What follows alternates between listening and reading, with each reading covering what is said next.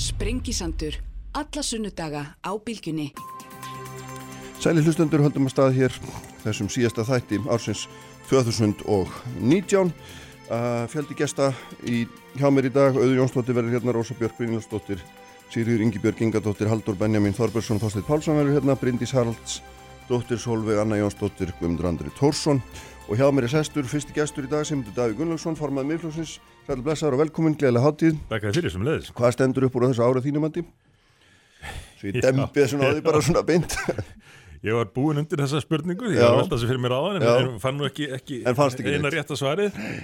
En eh, þetta er búið að vera tiltöla viðbyrðaríkt ár í pólitíkinni Mm. og sem skemmtilegt og annað leðilega eins og gengur. En um, ef maður á að, að byrja á að nefna einhver pólitísk mál þá var þetta þessi mikli slagur í morgupakkan, Já. þetta fyrirferða mikill. Þar varst þú í miðpunti daldiðin Já, og þið.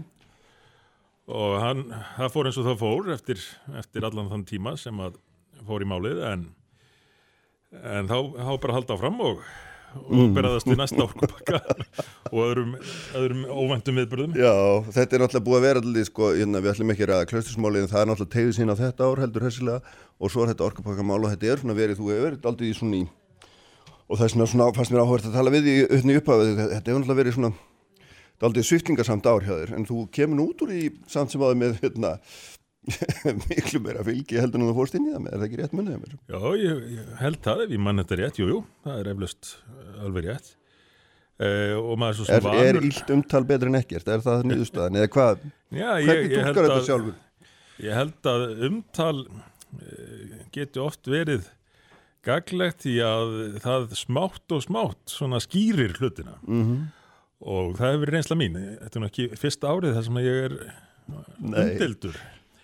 En umræðan sem að, sem að stafar af, uh, af stórumálum Mm. getur verið mjög gagleg til þess að skýra þau. Það fannst mér til dæmis vera raunin um orkupakkan þó að stjórnin hafi ekki látið, látið segjast að mestu leiti að þá fannst mér samt svo umræða mjög gagl- gagleg og, og skýrandi og það sama við um önnur mál að smátt og smátt með umræðu þrátt fyrir allt ruglið sem að fylgir auðvitað í, í samfélagsumræðu gætman að þá skýra slutirnir jamt og þétt og, og þegar að flokkur einsetur sér að fylgja sinni stefnu veri ekki að reyna að elda dægur sveflunar tíðarandan hverju sinni heldur trúar unnvörlega á einhvað og fylgja því eftir hvort sem það er auðvelt eða erfitt að þá trúi ég að, að menn kunni að meta það til lengri tíma litið. Mm En uh, finnst þér gott að vera í þessum ólgusjósumund?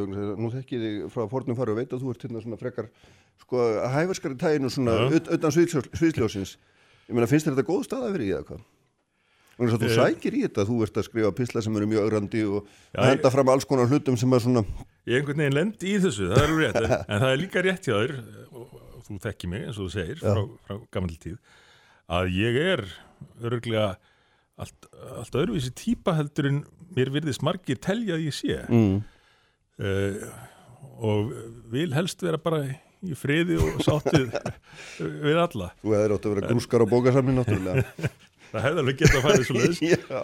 En svo hefur maður mikla skoðanir á ákveðnum hlutum og miklar áhugjur af vissum hlutum og þá einhvern veginn getur maður ekki á sig setið að fara að blanda sér í þau mál. Mm. Eitt af því sem maður náttúrulega var svona og er bara megin ströymur í heimsumræðinni allstaðar er þessi svona, hvað maður kallað, þjóðurnishyggja versus einhver svona alþjóðhyggja, ég meina það er alveg augljós já. að kapla skil að verða í því getur við sagt. Og hérna, og þið eru náttúrulega sagaður um einangrun hyggju, mjög mikið. Já, sem er sérkennilegt að mínum mati, en þetta er umræða sem við hefum líka séð vera mjög ábyrgandi í Breitlandi, til dæmis á þessu ári út af Brexit. Og það skýrðist, það mál skýrðist loksins í kostningum það sem að meira hluti fólks eða minnstakosti eh, voru, voru úslit kostningana í þá veru að það var mjög afgerandi að fólk kunni ekki að meta það að vera upp- uppnefnt einangrunar sinnar og kallað ímsum íllum nöfnum. Fyrir það eitt að vilja hafa meiri stjórn á sínum málum, sín samfélags og það skilaði sér í, í að ég held að þessi umræða um einangruna sinn á þetta alls saman sé að miklu leiti sprottin úr tiltölu litlum hópi samfélagsins á meðan að allur almenningur uh, kann að meta það að, að líðræðið fá að njóta sín og samfélagin fá að stjórna sér sjálf. En það er rétt sem hún segir að þetta er mjög í auknum mæli að skiptast núna í, í tvent, annars vegar þá sem að kalla sig alþjóða sinna, globalistar stundum kallaðir. Og svo hins vegar þeir sem kunna að meta þjóðríkið og svona þá grunngerð samfélaga sem að uh, hefur reynist Vesturlöndum að mista kosti ágæðlega undanfarnar áratvíi og, og allt útlitt fyrir að svo umræða haldi áfram núna á, á nýjum áratug. Mm. en reynslan held ég að hafi verið svo og verði enn frekar svo á komandi árum að þjóðríkið og samfélagið mikilvægi samheldni í tilteknum samfélagum eh, muni verða enn augljósari og það að hvert og eitt samfélag passi upp á alla sem að tilhera því samfélagi mm. Mm. fremur en að alþjóðleg stórfyrirtæki leggja línundar um hvernig heimurinn virkar. Hérna, takk fyrir þetta bílisjómundur, þau eru sest hjá okkur líka Guðmundur Andri Tórsson og Solveig Anna Jónsdóttir, velkomin bæði. Uh, fyrsta spurning til sjómundar var hvað var að stóða upp á árinu Solveig Anna og ég byrja hér hjá þér líka. Um, þetta er náttúrulega búið að vera svo ótrúlega hérna, merklegt ár mm. sem er að líða. Uh, við náttúrulega í eblingu ásend félagum okkur fórum í þessa risavöksnu kjærabaröttu sem kulmineraði svo í, í lífskjæra samningunum um, og þetta var náttúrulega svo bara lærdomsrikt fyrir sérstaklega okkur, mig og félaga mína sem að vorum þannig að koma inn í inn í þetta umhverfi í fyrsta skipti og um, þurftum svo að takast á við þetta risavarsna verkefni um, svo náttúrulega erum við bara í eblingu búin jafnframt að vera að um, gera það sem að var svo ótrúlega nöðsilegt að taka mm. þetta risavarsna félag úr Um, af þeim stað sem það var algjörlega pikkfast á mm -hmm. og koma því á þann stað sem það þarf að vera mm -hmm. sem um, bara mjög svona öflugt baráttu tæki þessar risastóra hóps um, verkafólks og að um, koma til móts við þennan stóra fjölda af erlendu félagsmönnum sem við erum með mm við hefum stóra auki fjölda um, erlendra starfsmenn á skrifstofun okkar við erum um, með varaformann, pólska konu Um, öll þessi risavóksnu mál sem að höfðu bara því miður í tíð fyrir fórustu verið látin allt og mikið óáreitt oh. höfum við verið að um, vinna í en svo náttúrulega bara ef við horfum svona út í samfélagið þá er náttúrulega ekki annað hægt en að tala um samhærimálið þar sem mm. að um, enn einu ferðina um, afhjúpast bara fyrir alþjóði fólks á Íslandi um, þess, þessi brjálsemi sem að færa grassera í þessu pingu litla samfélagi þar sem að bara um, mjög fámennur hópur mestmægnis kallmanna fær bara að graðka til sín sístækkandi hlut af mm. um, auðafunum sem að við um, eigum samæla en lætur sér það ekki næja heldur um, leggst í einhvern svona einhverja, einhverja, einhverja koloniseringu og hrylling í, og leggst í að arðræna blá Já, nú, fátækt fólk. Það er gott að, gott að hérna, svona bara rétt að halda eitthvað haga, það er ekki öll kullkóðni grafar, það er hérna Alltaf þú velur þín orðin, ég veist ágætt að hafa, hérna, hafa eitt svona ef fyrir framann. Ég held í það minnsta, þátt fyrir að ég get alveg tekið undir þetta og hérna, sagt það sem að bara auðvitað er skinsamlegt að segja en engu að síður þá er augljóst að samskipti um, samherja mm. við um, við landið Namibíu eru náttúrulega með, um, með þeim hætti að við hljótum að, að vera einstaklega bara blindi eða fyrst ef við ætlum ekki að fyllast bara, um, mm. bara andstigð og harmi yfir því sem að þarna átt sér stað. Guðmundur Andri, hvað er svona, viltu spinna þannig að þráða áfram eða fannst þér eitthvað annað að vera mörkilegra? Sko, hérna, ég hef aldrei verið uh, mikill svona áramótamaður og, og hefur einhvern veginn aldrei áttu auðvilt með að, sko, að, að, að skoða árið sem svona eina mm. held sem bara hætti og svo byrjir byrja, byrja nýtt. Mér, þetta er svona meira svona samfella einn samfella fyrir mér það kannski að því að ég á ammali á gammalskvöld og ég, ég er alltaf að reyna svona halda sjálfstæðið mínu sem slíkur sko. En, en hérna ef við lítum á bara þessa, þessa tólmánuði sem að, hérna, eru, eru undir þá, þá hérna vissulega hérna, get ég alveg tekið undir það að hérna þá var, var merkilegt að fylgjast með hérna verkefnishefingunni og, og hérna og þeim, þeim hérna umbrótum sem að það áttur sér stað og, og umbótum held ég að við getum alveg hérna tekið undir og, og það verður spennand að fylgjast áfram með því því, því mikla afli sem það, það losnar úr læðingi. E, og e, ég get líka tekið undir það að hérna, samherjamálið er náttúrulega kannski stærsta eitt, svona eitt stærsta málið hérna á, á, á þessum hérna á þessum síðasta ári og, og, og samherjamálið leiðir svo sannarlega í ljós ákveðna svona brotalamir í, í, hjá okkur í íslensku samfélagi og, og og það snýst ekki bara um, um Namibíu og, og það snýst ekki bara um að hérna menn hafi e, þurft að hérna gangast undir einhverja tiltekna viðskiptahætti sem týðkist í öðrum löndum heldur snýst það um okkur hvernig við sjáum okkur, hvernig við hegðum okkur mm. á, á, á hérna alþjóðavísu og það snýst líka um það hvernig hérna eitt svona fyrirtæki verður svona hérna rosalega voldut og öflugt að það getur haga sér af slíku afli mm -hmm. e, í, í, í, í öðrum löndum. Ég vil líka nefna, já, hérna, já, bara fá að nefna já, sko, annars sem er svona stórmál sem ég, mér fannst vera svolítið svona kannski mál ársins líka, það eru lofslagsmálin og mm. það eru þessi mótmæli sem að hérna krakkar hafa, hafa, hafa verið með á Östuvelli og hafa, hafa svo sannanlega ekki farið fram hjá manni og, og eru partur af, af alþjóðleiri reyfingu sem að hérna, verður bara sterkar og sterkari og, og hérna stjórnmálum verða að fara að leggja meira eirun við og verða að fara að bregðast við af, af, af hérna, meiri einurð og, mm. og markvisar hætti og, og hérna og þetta verður stóra máli náttúrulega út þessa veld. Já, já. Hvað segir þú um þetta tventsjómdir hérna annars vegar samirjamálið og hins vegar sem það lotlas, lotlasumræðina svona bara Þú hefur nokkra myndur Það er kannski Sorry. Nú ertu að taka á þetta missa það Já, nei, nei, ég, ég bara skoðanir þér Fyrst, varðandi, varðandi samirjamálið það var náttúrulega ímslegt eftir að koma í ljóstar þar. Er rannsókn rétt að, að byrja á, á umfangju eða þess máls. Eins og er, finnst mér það verið ágætis áminning um mikilvægi þess að þjóðir ráði sjálfar öðlundum sínum og nýtja á þann hátt sem að, sem að hendar hverju samfélagi fyrir sig Þetta varður okkur Íslandinga líka og orkumálinn til að mynda. Mm. Nú sjáum við eftir óveðrin um daginn eða fyrir þessum mánuði að við höfum ekki náð að nýta til dæmis orkuðlundina til þess að tryggja öllum landsmönum aðgang aðinni og það er meðal annars af, afleðing af mm. Uh, fyrir orkupökum aðskilnaði framlegslu og dreifingar sem að mm. ég til að hendi Íslandingum mjög illa Nú er, er þetta farið að skila það miklu, orkufrámislan, landsvirkjun, að ríkistjóðnin áformar að búið til sérstaklega sjóð til að taka við peningunum.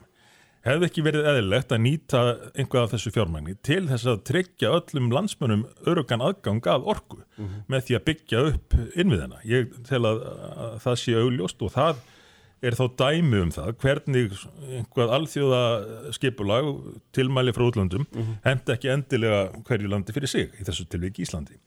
Nú svo varðandi lofslagsmálinn. Það var nú aldrei alþjóðlegt mál. Hmm. Já, já, þá er það, það er alveg rétt sem Guðmundur nefnir. Þetta hefur verið mjög áberandi mál á, á þessu ári en, áberand, en meira áberandi en árin þar á endan og eru þetta mjög stort mál en ég er þeirra skoðanir að menn sé að breyðast við þessu í mörgum tilveikum með kólröngum hætti og jafnvel með, með skadalegum hætti. Og hvað sem að líður mótmálum barna þá þarf þetta lausnir. Og ef maður spyr þá sem mest er fyrir í mótmálum, hvort sem það eru barnamótmáli eða, eða önnur mótmáli e, þá er menn ekki að nefna tiltakna lausnir sem þeir eru að tala fyrir, þeir eru bara að segja að það þarf að gera einhvað mm -hmm. en en þau markmið sem að menn hafa talað fyrir eins og til að myndi þessum mótmálum Extinction Rebellion og, og barnana sem að talað um að þau þurfi að hætta netto losun kólunis fyrir 2025 ef menn bara ætlaði að reyna þetta sem er náttúrulega óframgamilegt en menn bara ætlaði að reyna það þá myndi það skapa mestu manngerðu kreppu sögunar og bytnaði þetta langverst á tekjulegra fólki mm -hmm. og mhm. margar þessum aðgerðum er til þess fallnar að færa okkur eftir í tíman varðandi hluti eins og almenn lífsgæði, varðandi hluti eins og jafnbræði þar sem að uh, fátakara fólk hefði ekki lengur efna á að reyka bíl, ekki efna á að ferðast til útlanda vegna þess að það er verið að refsa fólki fyrir það sem mm. að telst vera eðlileg hegðun og hluti af nútíma lífskeðum. Ég held að þetta sé hérna gott stykkur fyrir því að Solveig það er auðvitað svona umhúsuna efni fyrir ykkur líka sem eru þeim mitt að berjast fyrir kjörum þeirra sem eru á lægstu lögunum og það er auðvitað verið að tala um okkur samdrátt í hagkjörumnu ef að draga verulú framleiðslu og svo framvegis um, sko við tölum áfram um lofslagsmálin að náttúrulega búum við inn í þessu kerfi, kapitalismannum mm. sem að um, lifir aðeins á því að um, arðræna vinnuaflið og búa svo til endalust fleiri tækifæri fyrir fjármársegundur og eigundur aðrunntækina til þess að halda áfram að græða. Inn í þessu kerfi er mjög um, erfitt og bara eiginlega ómögulegt, eða ekki eiginlega, það er ómögulegt að koma fram með þær lausnir sem að sannlega þarf að koma fram með. Um, tilhjósunin um einhverja stærstu manngerðu kreppu sem að hægt verið að hugsa sér er náttúrulega hræðileg Mhm. um, en ég tel að með því að hugsa hlutinu svoleiði séum við bara um, mjög afvega leitt við búum í veröld þar sem að örfáður einstaklingar áttamanns eiga jafn mikinn auð og allur fátækari helmingur mannkins um, vandamál um, veraldarinnar er ekki það að það sé ekki til nóhanda öllum heldur það að örfáir fá að um, taka sér allt sem að þeir þurfa um, og miklu, miklu, miklu meira til algjörlega án þess að um, líta einu sinni á fólkið sem að um, hýrist svo á botni um, allra okkar fjölmörgu stegvelda ef að um, réttlæti sjónamiðið er sett bara ofar á svona listanum það hvað skiptir okkur máli í mannlegum samskiptum þá held ég að það sé bara algjörlega augljóst að ekki aðeins munum við finna laust heldur bara verðum við að gera það.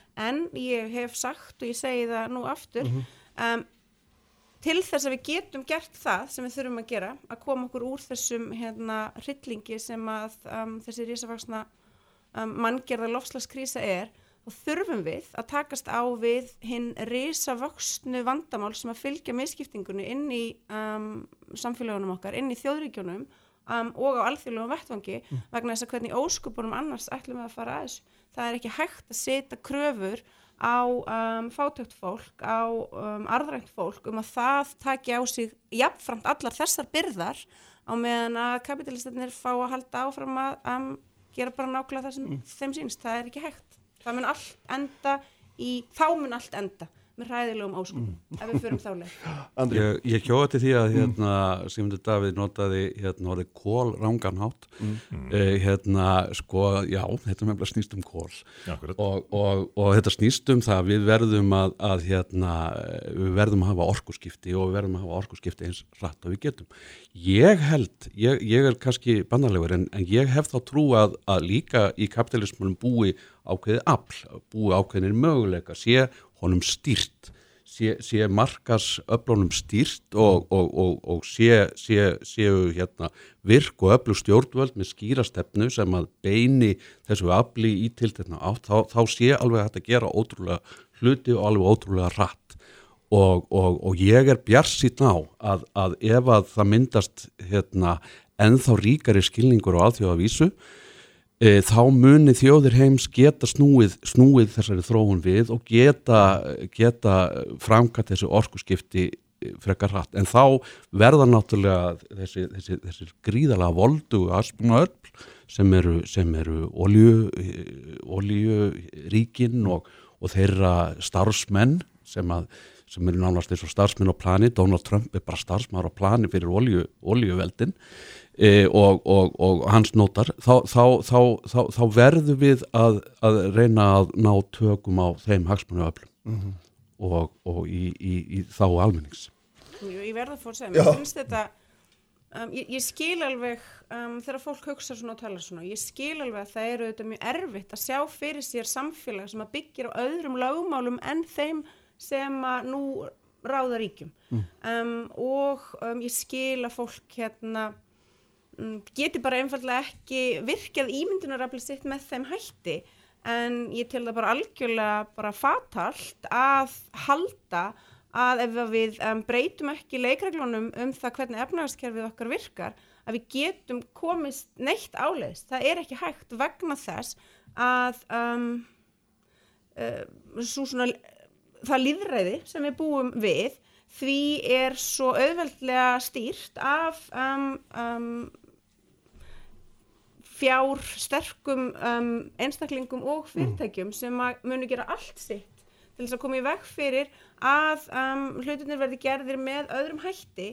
Þannig að ég segi bara Guð hjálp okkur ef við ætlum að um, treysta því að einhver algjörlega um, svona ó óstýrð hreyfing batna og ungmenna muni koma okkur út úr þessari krísu. Það Við var ekki mín orð. Nei, við þurfum Það var einmitt, ég var, ég var akkurat að tala um það þarf stýringu. Risavaksna alþjóðlega hreyfingu sem að saminast í því að hafna sko arðráni bæði á manneskjum og náttúru sem svona hérna frum skilirðinu í öllu því sem við gerum. Ef við gerum það ekki þá bara, ég segi bara aftur, þá erum við Já, ég er alveg meira, meira, líðræði, líðræði, minna kerfisræði á nýjári Já. ég held að getum allir samlistu það. Heyrðu, Já, en ég er hins vegar ekki sammála Sigmundi Davíð um það að- lærdóminu sem við höfum að draga af sleppa. samverjamálinu snúist um þriðja orkupakkan Gott og vel, heyrðu, hérna, við ætlum að þakka Sigmundi Davíð fyrir og því sitti hérna áfram hjá mig Solveig Anna og Guðmundur Andri og hérna svo bætast þar í hópin Sigurður Ingibjörg Ingadóttir og Bryndís Haraldsdóttir. Uppspretta frétta á Sprengisandi á bylgjunni. Fréttir þjóðmál og pólitík. Sprengisandur á bylgjunni. Sælir aftur hlustundur, Sigmundur Davíð farin frá okkur en þær eru komnir í staðin Sigurður Ingibjörg Ingadóttir og Bryndís Haraldsdóttir. Uh, Sigurður auðvitað fyrirvændi, alþingis kona. Bryndís núverandi, velkona báðar. Takk Og svo eru þau hérna áfram Guðmundur Andri og, Solveig Anna. Ég er búin að byrja á því að spyrja alla hvað telja helst hafi staðið upp úr þessu ári og Guðmundur Andri sagði ekki, það var ekki hægt að hugsa í svona tólmánaða tímabilum, en getið þið það? Er eitthvað svona sem að, að þú byrja Sigurður? Ég sko, það fyrsta sem að mér dettur í hug Já. eru bara tvær stórkostlegar ungar konur sem að hafa haft gríðarlega áhrif á fjölda fólks um allan heim.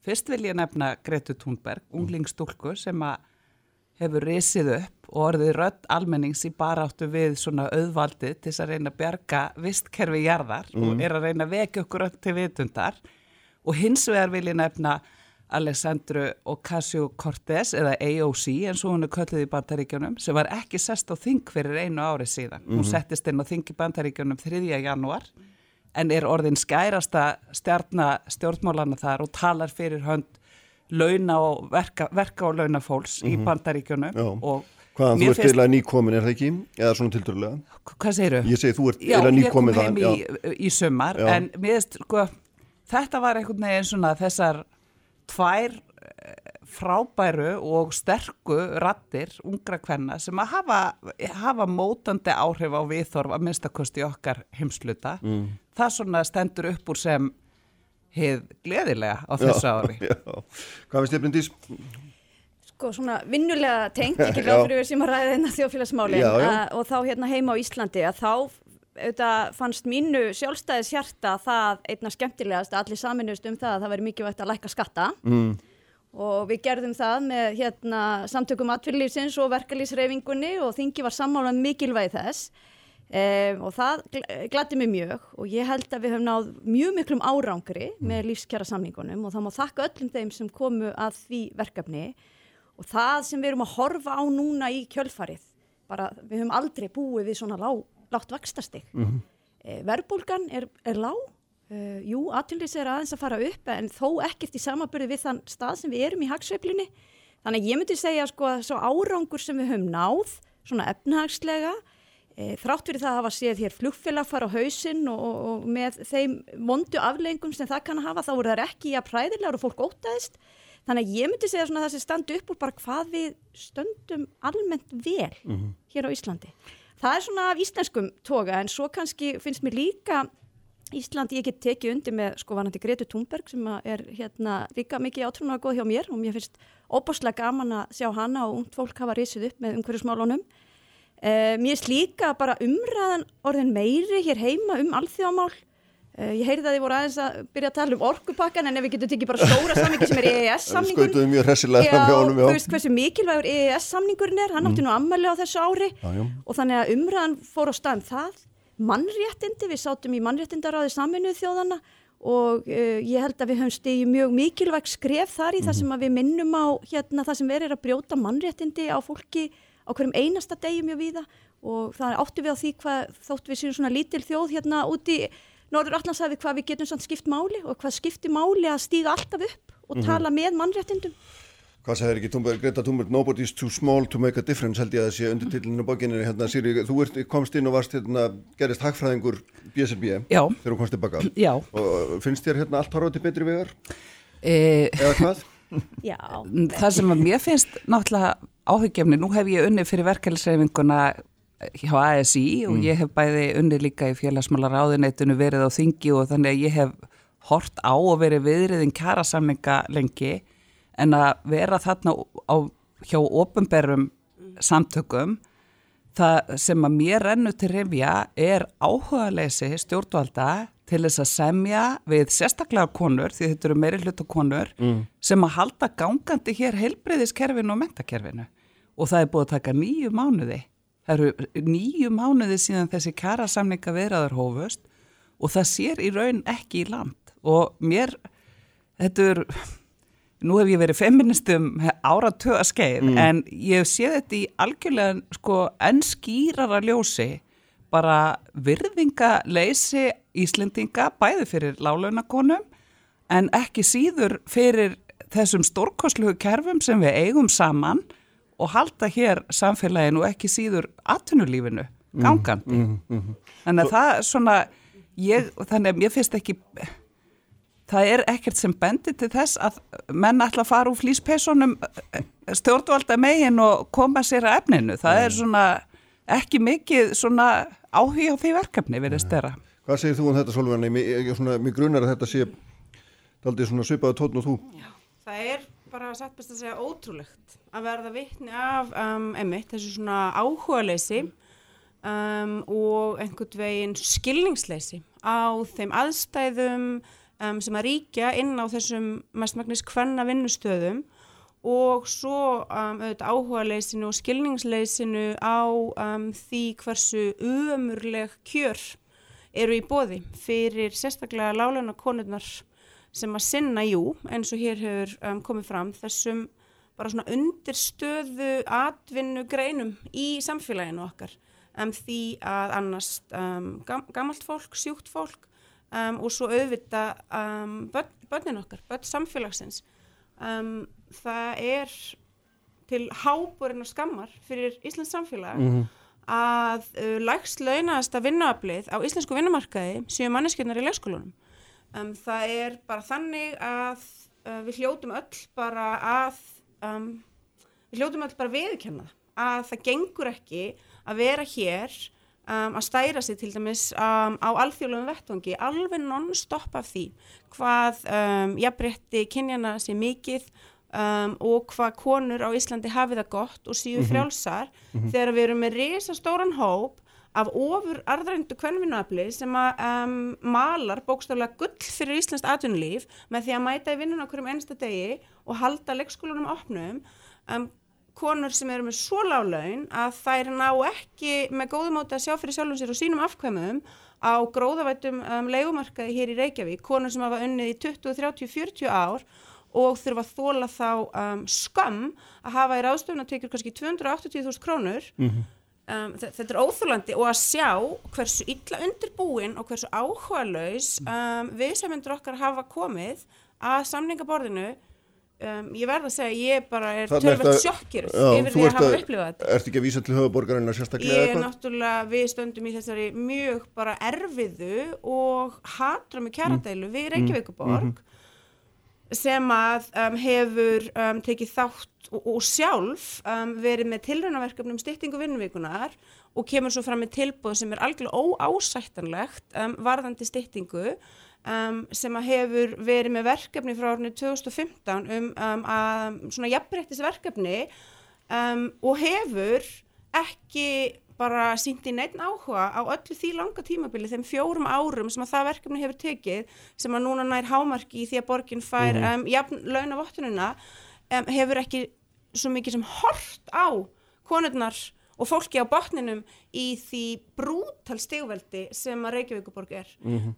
Bara þetta er skammar hérna, og um, fólk sem, að, sem að segist aðhyllast einhverja jafnaða stefnu og, og, og, og horfir í speilin á mótnana og sér mannesku sem að þú veist er með eitthvað svona réttlætis hjarta sem að hérna berst um í brjóstinu hlýtur að bara átta sig á því að söguleg skilda þeirra er núna á þessum tímpunkti að bara koma með útrætta sáttahönd og bara sjá sóma sinni í því að hjálpa okkur að byrja að lagfæra þetta sögulega nextli sem að við búum við hér. Guðmundur, þetta er hérna þú ert maður sem lítur í speil og sér jafnað manna hertað á hverju mótni veit ég Já, já, hérna eh, og, og ég- þínir menni fórist í Reykjavík svo að maður Já, já, ég, og ég, ég vona svo sannlega að hérna, það náist þarna samningar og, og, hérna, og maður fylgist með þessu svona áhugifullur. Um, ég vil líka nefna, uh, sko, það má kannski segja að, að jú, jú, lá- lágir vextir og, og lækkaði skattar og, og hérna, það er kannski ýmsið sem fagna því að, að, að hérna, borga lægri skatta þó að hérna, það sé ekki sjálfur sér keppikepplega að lækka skatta á alla.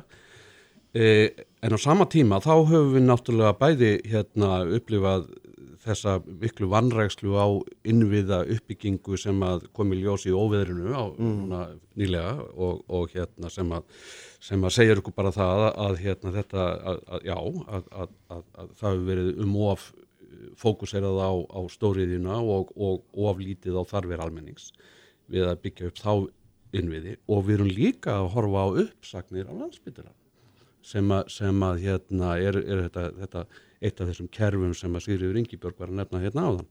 Og, og þar er verið að segja upp fólki uh, sko um leið og það ríkir svona uh, mjög bátt ástand þar inni og, og, og, og, og þetta er ekki bara málefni þeirra sem er verið að segja upp þarna og hérna þó að sé náttúrulega fyrst og fremst varði, varði það fólk er, þetta líka varðar bara öryggi almennings uh sem að á, þarf að geta treyst á þessa þjónustu og, og hérna og, og sem segir meðan það er verið að segja upp fólki á landsbytalanum þá er náttúrulega ekki að hægt að tala um að allt sé hér í himnalegi. Nei, myndi það er hérna, þú byrjar á því að draga Ég byrja að tala um rosa jákvætt. Já, já, já, og svo er svolítið búið að tæta það niður, ég minna þú hérna hefur tækifæri á aðeins að Já, sko, hérna... Bregðast við þessu. Já, nei, nú ætla ég ekki að mæla því bót að einhver vinni hér fullan vinnudag eh, við, í, við mjög erfiðar aðstæður og geta ekki lifa á launum sínum.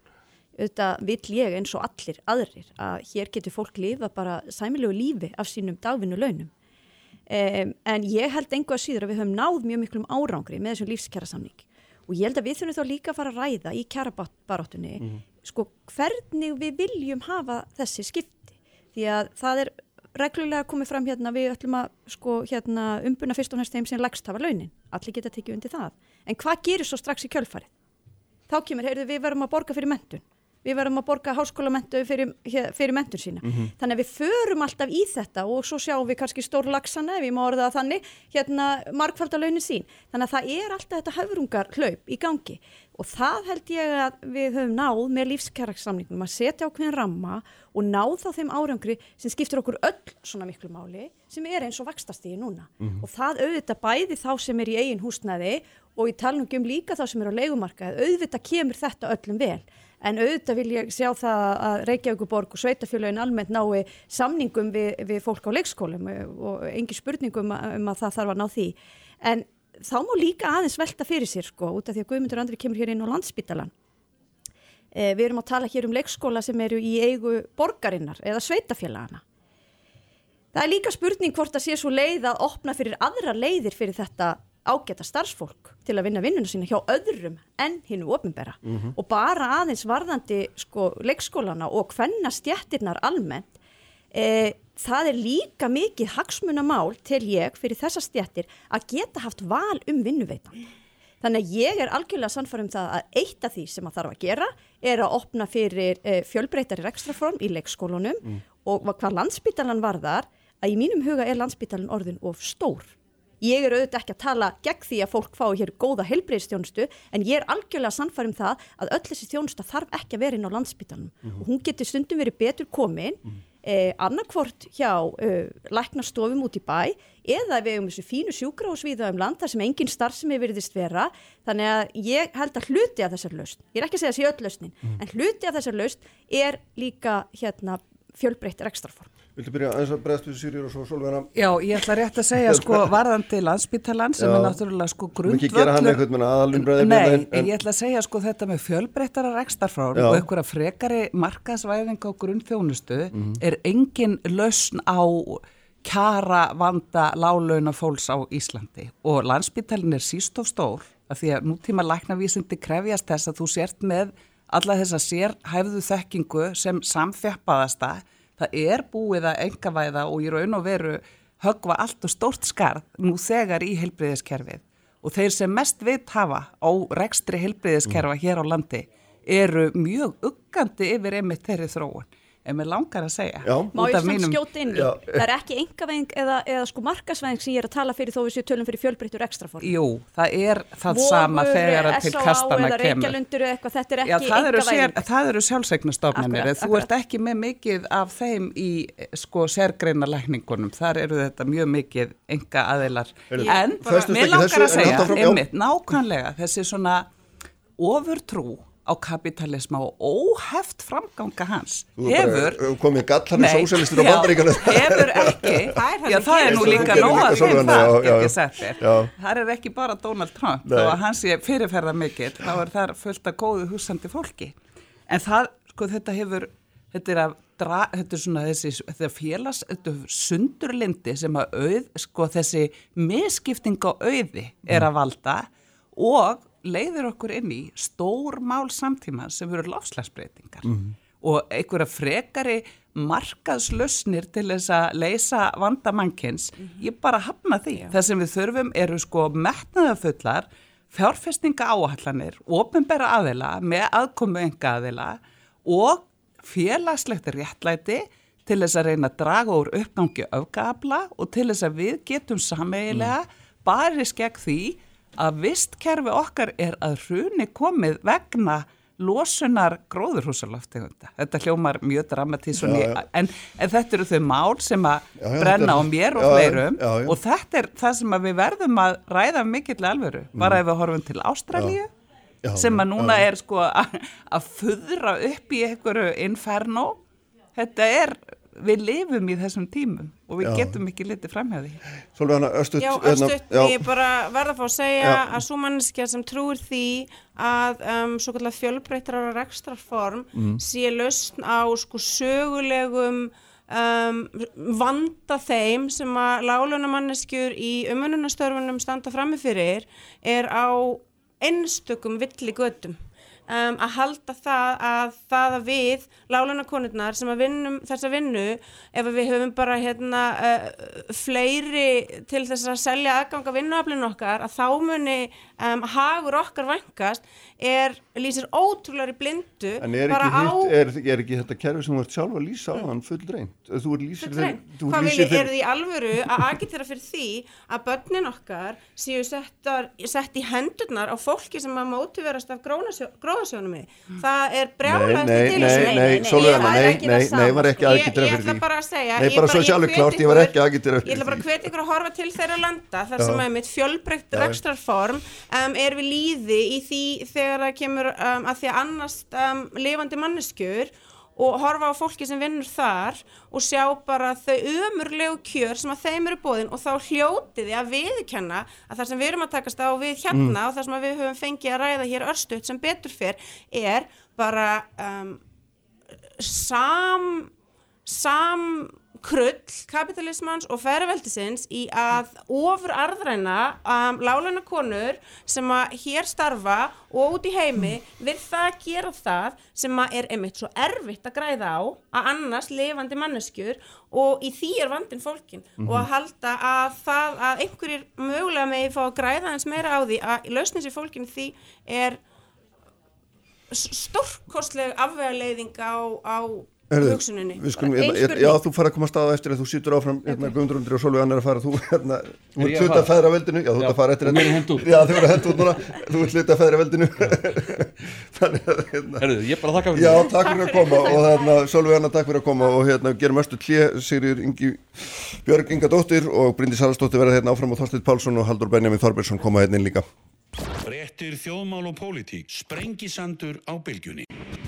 Kraftmikil umræða, alla sunnudasmórna, sprengisandur á bylgjunni.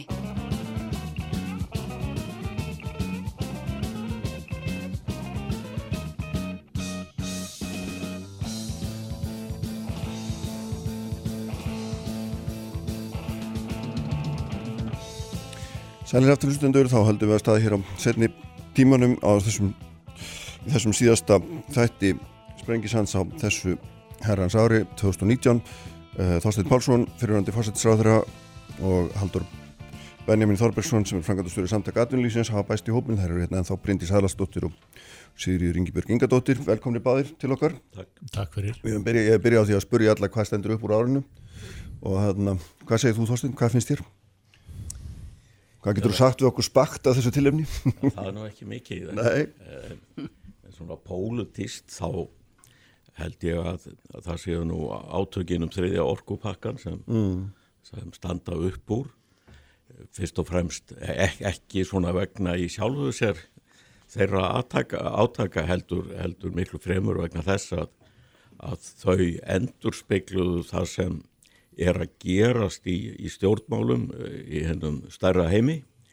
Það er að segja að það eru að það er að koma vaksandi spenna þar sem það sem svona þjóðarnis sinnaður populismi og hon, honum vex ásmegin og uh, það er að koma upp uh, tvískipting í hinn vestræna heimi þar sem uh, meiri hluti svona vestræna þjóða vil halda áfram fjölþjóða samvinnu í efnaðs og viðskiptamálum en, en nokkra þjóður er að bróta sig út og vilja hverfa til gamla tímans og taka upp tvíliða samninga, það eru stærri þjóðurnar sem gera það því að þær, þær munu hagnast á því.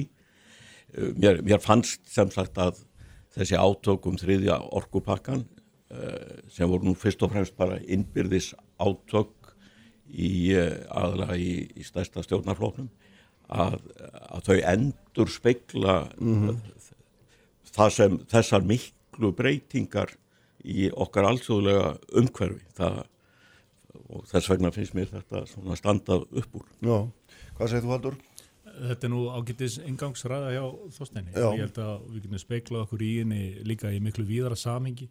Saman hvort við lítum til viðskipta stríðsmyndi bandaríkjana og Kína, hvort við horfum til Brexit og sko fádæma vandræða korpin í kostningabaratunni þar sem var í raun alveg með ólíkjutunum. Það var, var allt varðanum að óláni í þeirri baratu. Já. En svona ef við lítum hérna heima, þá held ég árið hafi nú verið frekar gott. Uh, fyrir mér standa náttúrulega upp úr gerð kjærasamninga og vormánuðum eins og kannski eðlilegt er og ég vil meina eftir svona reikið búið að setjast þar það hefur nú tekist ágætlega til og allir aðilar geti ágætlega vel við unnað og við sjáum það núna og það er rétt að hafa bara mikið aðtikla á því að það lítur út fyrir það að við séum ennþá að bæta að kaupmáttur landsmanna sé ennþá að aukast Mm. Jábel þótt að hægt verulega á í hagkerfinu og sem er þá í rauninni fyrsta skipti frá því snemma á tíund áratögnum þar sem við sjáum mátt aukast á sama tíma og efnaðar sem við erum að dragast talsveit saman. Ég held eins og að það sé ágætt á tíumótu sem þessum sko að svona við getum velt fyrir okkur þessum stærri málum. Við sjáum núna þetta óöður sem gekk yfir um daginn, við sjáum þessa elda núna í, í Ástralíu sem að óneitanlega hljóta beina sjónum okkar allra, ekki bara á Íslandi, heldur bara við sjöðar um heiminn, að þessum samfélagslegu innviðum og hvernig við byggjum þá upp til langs tíma. Og samaskapi held ég við um að horfa aðeins inn á við. Mér finnst það vorið mikil bylting svona í umræðinni á síðustu misserum. Annars vegar gagvart bara les skilningi barna og þjóðurinnar í heilsinni. Það eru mikla breytingar sem þóstett vísa til sem er eiga sér stað hérna. Við erum orðið svona fjölþjóðlegra sam, uh, samfélagi en áður og ég fagna því að sjálfsögðu.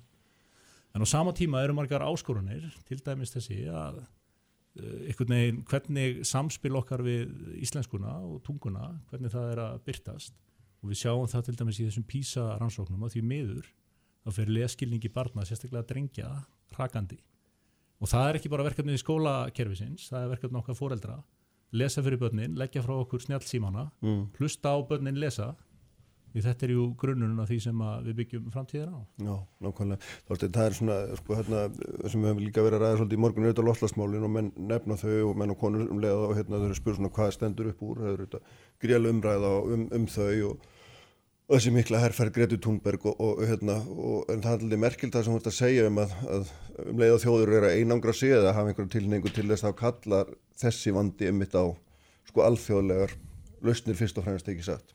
Ég, ég held að það sé algjörlega ljóst að það er auðvitað alltaf sko í vaksandi mæli þá byggja svona stærri verkefni sem við þurfum að takast á við á alþjóðlegu samstarfi mm. og alþjóðlegum reglum en, en á engu sviði í jafn ríkumæli eins og í, lofslagsmálunum og eh, en það, þar er það líka áhyggjuefni að, að svo þjóð sem við höfum lengst talið okkar nánasta bandamann bæði í eh, að þeir varðar varnirlandsins en mm. líka að þeir varðar samstarf og öðrum sviðum bandaríkinn að þau, þau eru núna að, að vinna gegn íslenskum hagsmunum og alþjóðlegum hagsmunum í loftslagsmálum. Þau eru að vinna gegn íslenskum hagsmunum í, í viðskiptamálum. Þau vilja leysa upp það sam, efnaðslega samstarf í Evrópu sem hefur dugað okkur svo vel sem raunber vitni.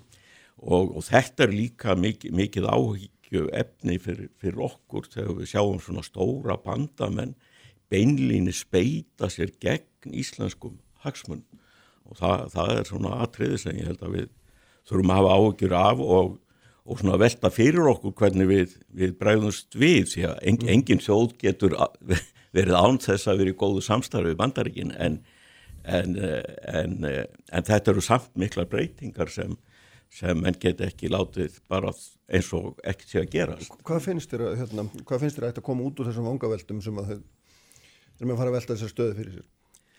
Þurfum við að breyta auðaríkistefnu okkar? Er einhverju markið eða hvað? Já, ég, ég held að við þurfum að dýf, ég, ég held að svarið sé, sé já, við þurfum ekki, ekki beint að breytinni en, en við þurfum að stíga ný skref og, og dýfka Evrópusamvinuna til þess að, að treysta okkar pólutíska bakland við Við sjáum hvernig bæði Bandaríkin og Kína eru að keppast um það að ná áhrifun til að mynda hér á landi fyrst og fremst í þeim tilgangi að, að tryggja ítök sín og umsvið mm. á, á norðurslóðum og til þess að, að geta mætt þessum þristingi með bara sjálfstæðri afstöðu að því að við þurfum að eiga góð samskipti við bæði þessari ríki þá þurfum við ennþá sterkara pólitísk bakland og, og að mínu mati þá þurfum við að, að sækja það í, í dýpri Evrópusaminu. Mm -hmm. Ég held líka bara út frá þessum svona alþjóðlega vingri þá erum við að fagna 25 ára ámali EES-samningsis á þessu ári og þá stið nefndi hérna í upphafi svona í tengslu við þriðja orkubakka að við meðum ekki tóra fram með því að EES-samningurinn er sennilega það sem hefur skapað svona best efnaðarsli skilir í hér á landi undarfarin aldar fjórðung og við mögum heldur ekki gleyma því að þegar að samningurinn var til umræðu á sínum tíma og var tekinn fyrir á alþingi þá voru ef við maður þetta rétt 21 þingmaður sem greitu atkvæði gegn samningnum. Og það voru höfðu upp stór orð úr ræðustól alþingis að inganga í EES myndi kalla örbyrð og atvinnuleysi og fleira yfir þjóðina og því segja mm. Þorstein Brósir Já, við myndum glata fullveldinu. Fullveldinu. Já, já. og þetta er svo áhugaverð umræða ég myndi ljósi þess að núna er komið 25 ára reynsla á þennan samning sem ég er mikill talsmaður fyrir. Og þvert á móti þá hefur hann skapað okkur þessi efnaðarslu lífskeiði verið svona aflvaki verðmæta sköpunar á Íslandi undanfærin 25 ár. Og ef það er eitthvað sem tristir fullveldið mm. ef það er eitthvað sem tristir styrk landsins þá er það svona verðmættasköpun sem ásist stað hér á landi og þetta sjáum við það að þau ríki sem standa hvað höllustum fæti og hvar fullveldið er já, stendur veikum fótum er fyrst og fremst þar það sem að fátækt og örbyrð uh, er til staðar mm. þess vegna vil ég meina að svona stæsti viðburður ásins eða svona hvað ég var að segja, það sem, það, það sem ber að hampa mest á árinu ég er einmitt þetta, þetta 25 ára ammali EES-samningsins mm -hmm. og viðskiptalífið og ábyrgt viðskiptalíf hlýtur að tala fyrir þessum EES-samning mm -hmm.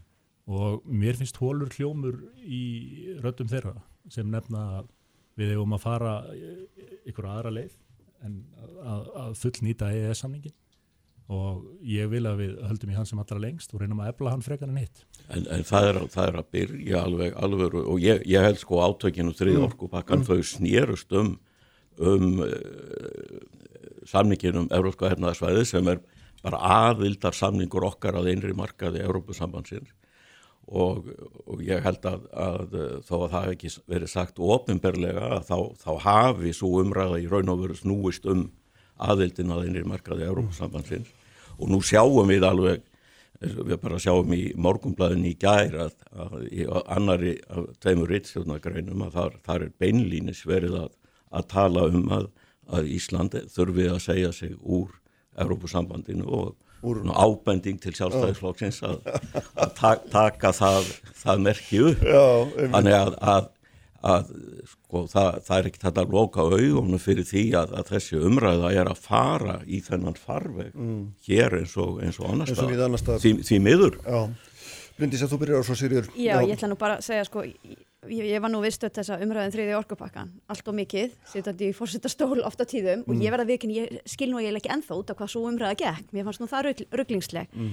en ég get tekið undir alveg sem ég nefndi hérna áðan ég held að EES samningurinn sé okkur alveg gríðarlega mikilvægur og það jákvað sem kom þó út úr þessu þrassi um þriði orkupakkan var ymmit að ná að tala um EES-samningin.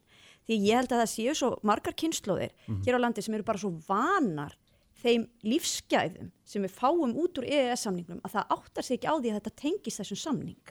Og það er ástæð til þess að rifja það upp og það var auðvitað gott tækifæri til þess núna á ammælis ári EES-samningsins. En mér langaði líka aðeins að bæta við út og Þorstit kom hérna inn á risastórt mál mm. sem ég heldur mættum tala oftar og meira um og það er norðurslóðamálin og Ísland er norðurslóðaríki og við eigum sæti í norðurslóðaráðinu og óháð því hvort að sko Evrópusammannan dýfkast eða ekki að þá eigum við þar sæti með þessum stóru þjóðum og það er áhugavert, svo ég noti það orð að sjá hvað bandaríkjaman hafa einhvern veginn allt í einu vaknað svolítið upp við norðurslóðamálinn, þeir hafa mm. nefnilega verið svolítið sofandi núna síðustu áratugi en sko svo erum við með þjóð sem að er ekkit norðurslóða þjóð, kínverjar sem að sína þessum gríðarlega mikinn áhuga.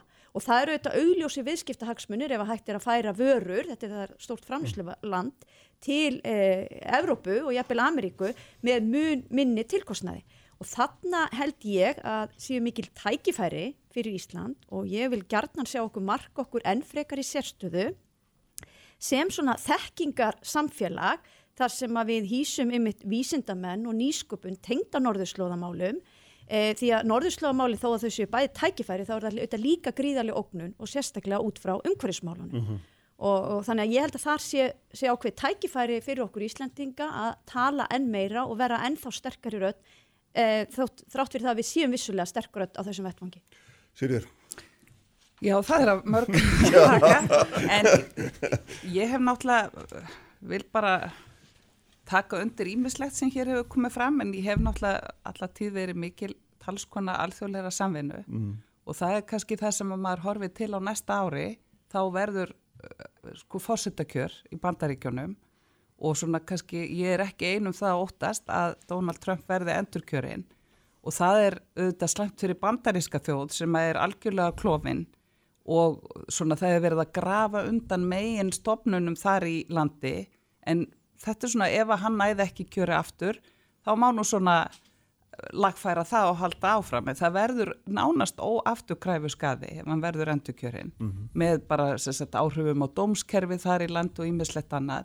En ekki síst á alþjóðastofnarnir sem við eigum aðeilt að eins og alþjóða viðskiptamálastofnunina saminuðu þjóðurnar, NATO. Þetta eru sko við sjá, og við sjáum hvernig hann er svona fyrirmynd fyrir eh, hérna harstjóra víða um heim. Mm -hmm. er svona leiðir þar svolítið hlaupið og sínir sko hvað er hvernig þú getur leiftir að tala og koma fram við eh, þína landsmenn.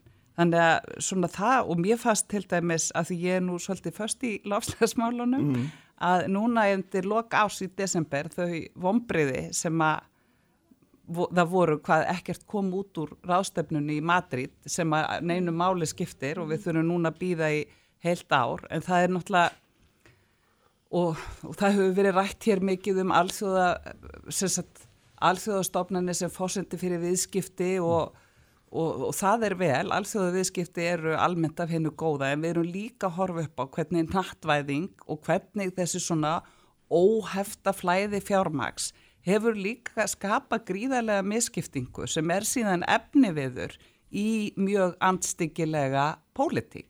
Þannig að við þurfum að horfa á líka, sko við, það er þó að við, Það er einhverjar þverstaðir í þessu sem sagt. Já, ég meina það er ekki, það, við verðum að horfa á sko, það er gott að við högnumst og verðum ríkarið og að, ég held að við séum nú alveg orðið nógu ríkið þessum heimsluta, það er ekki skortur og fjármagn sem er okkar vandamál, en þá verður að horfa hvernig erum við að dreifa þessum auði og hvernig erum við að tryggja viðgang mannkins, þannig að því við erum náttúrulega stefna inn í mjög Við erum, í raun og veru erum mikil átök svona í heiminu viða, ekki síst innan þjóðríkja, en við erum að stefna inn í gríðarlegt átakatímabil sem síðan öfgar í veðufari, munu, íta, enn frekar undir. Mm. Þetta hljómar mjög kaldranlega en ég held líka sko, ég held bara að við þurfum að vera metnaðafyllri. Við höfum kannski líka svolítið orðið maður upplifið það, við erum, ég ætla að leifa mér að segja það núna, við höfum verið mikið að tala um ábyrði ríkisfjálfmálum og það má ekki skuldsitta sér sí og svo mikið og ég er algjörlega að sammála þessu, en svo verðum við líka að horfa til þess að við getum valla byggt vegi í eigin landi, þurfum við þá ekki eitthvað að endur sko okkar fjármálastjórn í ríkasta landi heims, mm. er það sko hvernig við, og ég held að hinn vestræni heimur hefur vannrægt sína innviði og meðan að Kína er hér að leggja játbröytir, byggja upp hafnamannvirki um allan heim.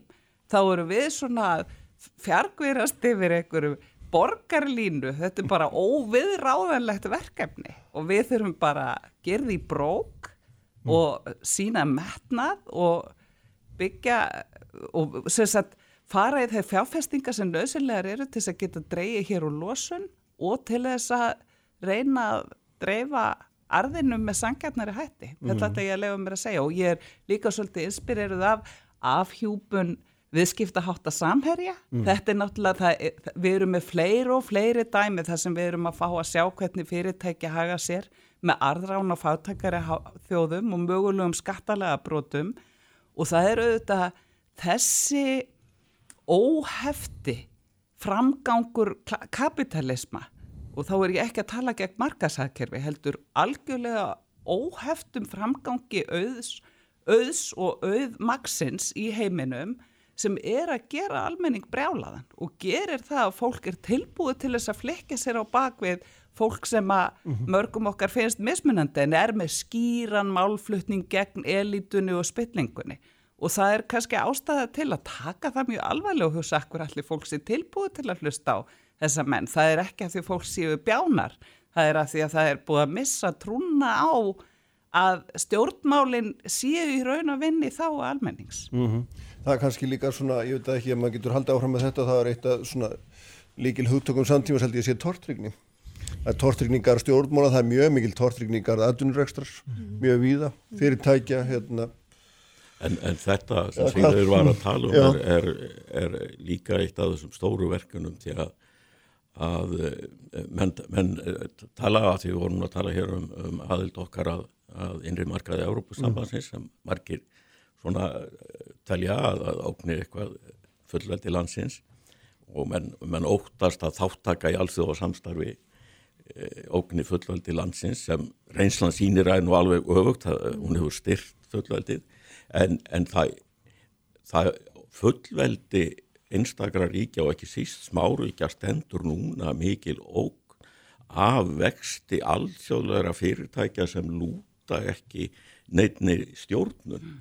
og eini möguleikin til þess að, að komi vekk fyrir að þessi allsjóða fyrirtæki veiki fullveldi smáríkja að það er aukin fjölþjóðasamina það sem settar eru almennar leikreglur og við sjáum það að Evrópusambandið er einu alþjóðlegu samtökin sem hafa náð að setja bæði skattareglur og samkjæknisreglur þó að það hef ekki gengið nóg langt en þá, þá er það eina viðleitni sem hefur skilað árangri í að hemmja þessi, mm. þessa stóru alþjóðlegu risa bæði banka en ekki síður tæknifyrirtækin og, og það er, þetta er eitt af því sem við þurfum að, að horfa á þegar að við erum að, að, að tala um fullveldi í, í framtíðin. Haldur, kontu að sinni þetta vegna þess að hérna Já, ég held að sko, ef við horfum annars vegar á þessi stóru alþjóðlegu fyrirtæki, við getum nefnt til dæmis þessi, þessar Facebook og þessar, hérna, hvað er þetta allt saman? stóru tæknifyrirtæki, já, Stóru já, tæknifyrirtæki. já. Amazon og og hins vegar fjármálastofnunir og þetta Já. er kannski núna og næstu missurum að renna saman í meiri mæli en við höfum séð áður. Og ég held að það sé með þeim hætti að Íslendingar undir miðjum aldri eru með miklu flerri snerti fleti við þessi fyrirtæki en nokkru sinni íslenska fjölummiðla yfir daginn, uppsöfnuðu nótkun þeirra er miklu meiri. Og ef við reynum að horfa 5 eða 10 árin í framtíðina þar sem að þessi alþjóðlegu eða fjölþjóðlegu fyrirtæki eru annars vegar að stýra aðgengi okkar að upplýsingum, fréttum, hins vegar og, til viðbótar eru einnig með sko kannski bankaþjónustu og viðskipti okkar eru með þetta allt undir einhvern veginn sama hatti þá hljótu við að staldra við. Og þetta byrtist meðal annars í því að bara eins og þessi útastuð hér sko og þetta fjölmjöla fyrirtæki hér er í beinni samkeppni við þessi stóru tæknifyrirtæki út í heimi um auðlýsingafíja en það held ég að það sé ekki á neitt halla þegar ég segja að íslenski fjölmiðlar hafa ekki staðið veikari fjárhættlugum fæti núna en nokkur sinni fyrr. Og þetta er meðal annars ein byrtingarmynd þessa. Hins vegar þýðir ekkert að stinga höfðun í sandin þessi þróun er komin til að vera og við sem samfélag þurfum að aðlaga okkur að þessu.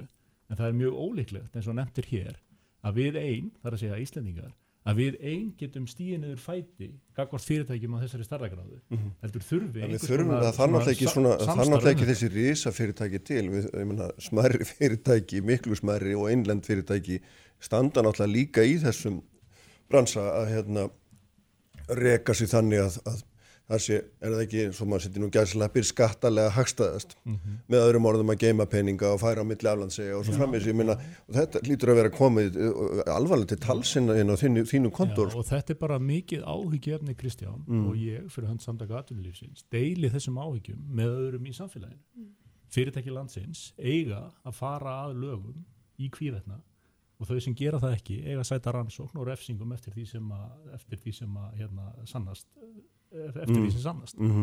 Ég hins vegar vil ekki ganga svo langt að segja þetta sé almennt vandamál í viðskiptalífinu. En vissulega eru dæmi sem hafa komið upp sem eru bara mjög slæm og til allrar hamingju er verið að rannsaka um þessar myndir og vonandi komast öll kurl til grafar þar áður en yfir líkur en ég held að það sem að kannski veldur mestu tjóni fyrir viðskiptalífið er einmitt þessi tortrygni sem nefnd var hérna áðan. En svo tortrygni, tortrygni sáir fræjum efasemdar og íslenskt viðskiptalíf þarf einfallega á, á því að halda að geta átt í trúnaða sambandi við þjóðina. Og við sjáum það þegar að fólk er spurt eða hvort það tristi sínum eigin atvinnureikenda er svarið í yfirgnæfandi tilvikum já, 94% eitthvað svoleiðis. En almenn tortrygni mm öðrum fyrirtækjum er hins vegar mjög rótgróin og það er vandamál, það er veikleika merki á íslensku vi- viðskiptalífi og ég líti á það að það sé eitt af stærstu verkefnum uh, íslenskara fyrirtæki og þar með talið samtaka atvinnulífsins á næstu misserum að halda áfram að byggja undir þetta traust sem er forsenda góðra samskipta annars vegar á milli mm. atvinnureikanda og launþega. Bryndís, það var nefnt hérna áðan að hérna, til þess að takast á í lofslagsmálinn þá þurft að, að, að rista kapitalisman upp og gjör breytunum. Hvað finnst þér? Nei, Nei, stutt. Nei. Nei, ég held að sko hérna Stýru Ingeborg talaði hérna áðar um sko algjörna kapitalism sem er ekki á móti markashagkerfi, nú ætlum ég bara að tala um markashagkerfi sko. Ég held að það sé nú einmitt eitt af því sem við þurfum að sko nýta ef við ætlum að ná árangri í loftlagsmálum og ég hef þar glendi fagna því mjög þegar samtöku atvinnulífsins og atvinnulífi almennt hefur stíu frem og sagt, heyrðu, við ætlum að fara hér í ykkur aðgerðir og þetta kemur auðvitað svolítið inn á sko tröstið sem að, og það er áhugavert að heyra hér hvað Haldur Benjamin er að segja, sko mikilvægi þess að atvinnulífið e, fari þá vinnu að byggja upp tröst á fyrirtækjum. Ég er nú á þannig vinnustað að tröst á okkur er, er býstna lítið. Og það hefur verið mm, hérna, helsta verkefni okkar núna síðust ára að reyna að byggja upp tröst á alþingi. Og það eru auðvitað rosalega mikilvægt fyrir öll samfélag að það ríki tröst á þessum grunnstóðum okkar Eh, og ég held að, að sko markas hagkerfið sé engin sko einhver, einhver fótur í, í þeim efnum en, en við höfum gengið á langt í mörgu eh, og, og kannski erum við svona reyna að ná einhverju jafnvægi hvað þetta varðar. En umhverfismálin eru jú stóra málið og ég held að við þurfum líka þá að virkja markasöfnin í því og talandi hér um EES-samningin og, og það sem við höfum nátt til dæmis sko löggefin okkar hvað umhverfismál varðar kemur mjög mikið frá Evrópusambandinu og það sem að við erum að reyna að ná utanum stórum málin, útblástur hérna í stóriðju og flugvélum og annað, eru þetta ekkert sem við getum ákveðið bara hér okkar litlu auju og þar hefur markashæfkefur verið nýtt. Eh, og ég held að það á endanum muni skila árangri. En við þurfum auðvitað í umhverfismálum að fara út í opbúslega víðtækar aðgerðir. En þú, ser- þú, þú serði í bandaríkjónum einmitt að því að menn er að tala hér um svona hvers konar hagkerfi Já. að forsetin hann, hann keirir pólitíska línu alveg gegn öll, öllum aðgerðum í, í loftslagsmálum.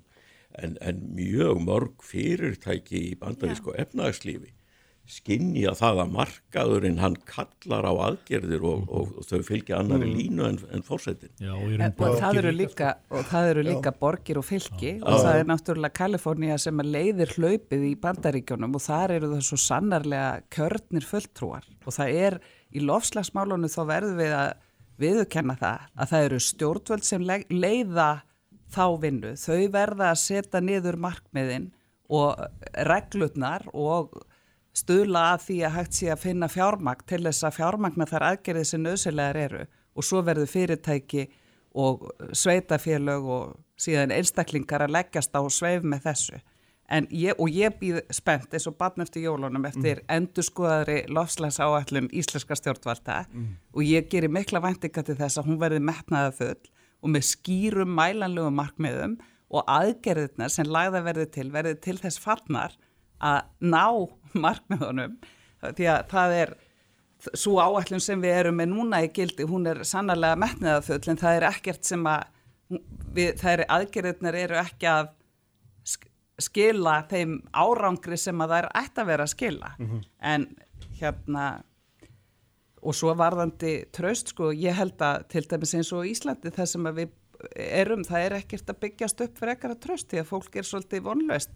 Og hrunið hefur einhvern veginn að- það sem gerst hefur í kjölfar þess hefur ekki bjarga því sem bjarga þarf þrátt fyrir eh, hagvöxt og svona vaksandi velsælt á tímabilinu og ég held að kannski bara eitt mjög mikilvægt skref bæði fyrir atvinnulífið og alþingi væri að endurskipuleggja útlutun aflaheimilda og verðlagningu á þeim. Svo eina aðgerð en gríðarlega mikilvæga myndi hér kannski skapa fólki smá trú á þá sem að hafa tekið að sér að leiða þetta samfélag. Bryndi, þú ætlum að hérna, loka orðin í þessu. Já, og þarf það að vera um fiskveiðstjórnarkerfið, það má ég ráða. ráða því að það þarf kannski aðeins meira um ekkert Það er kannski eitt af þessum mikilvægu grunnkerfin sem við þurfum að byggja upp auk, auk, aukna trú og tröst á. Já, já, ég, ég get algjörlega tekið undir það. Ég kannski er ekki vissum að við myndum saminast um hver var í besta aðgerðin, en það þarf að byggja upp tröst á því. En bara ef, erum að, ef ég er að klára hérna, þá kannski eitt sem við höfum ekki komið inn á, sem að ég held að líka sem er mikilvægt, og það er hvað við höfum náð miklum árangri viða erlendis, e, íslenski listamenn og íþróttamenn og ég kannski nefni þetta sérstaklega, ég menna við erum nú með hérna konu Hildur Gunnadóttir sem er tilnæmt til Golden Globe og, og hefur hluti önnur velun, hvað við eigum mikil tækifæri í skapandi grein og hvað við erum að sjá svona nýjar atvinnugreina spretta upp fyrir einhverjum ári síðan held ég að við höfum ekki mörg uh, hérna átt von á því að Íslendingar væri að vinna til stóra verðlauna við að smíða tónverk fyrir kvikmyndir. Við erum hérna með tölvuleikja fyrirtæki sem er að gera gríðarlega stóra og mikla hluti og svona talandum sko grunn eh, hérna auðlindin okkar sjáravutin og örkumálin sem að við auðvitað höfum hérna haft mikið undir og munum áfram eiga mikið undir að þá held ég að þetta sé svona sá auður sem eigum að virka til framtíðar það er hérna hugvitið okkar. Ljómandi, hérna, Bryndís og Sirjur, takk fyrir komuna. Þeir sitja hérna svolítið áfram, fyrir. og, og Halldór. Við fáum líka Rósu Björk Brynjónsdóttur og Auði Jónsdóttur hérna eftir augnablik. Sprengisandur á bylgjunni alla sunnundasmórna. Sprengisandur á bylgjunni.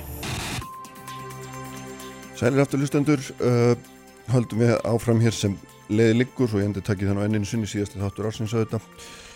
Uh, þau eru hérna hjá mér núna Þorstein Pálsson og Haldur Benjamin frá því áðan og svo eru þar komna líka Auður Jónsdóttir og Rósa Björk Brynjónsdóttir, velkomna báðar. Takk fyrir.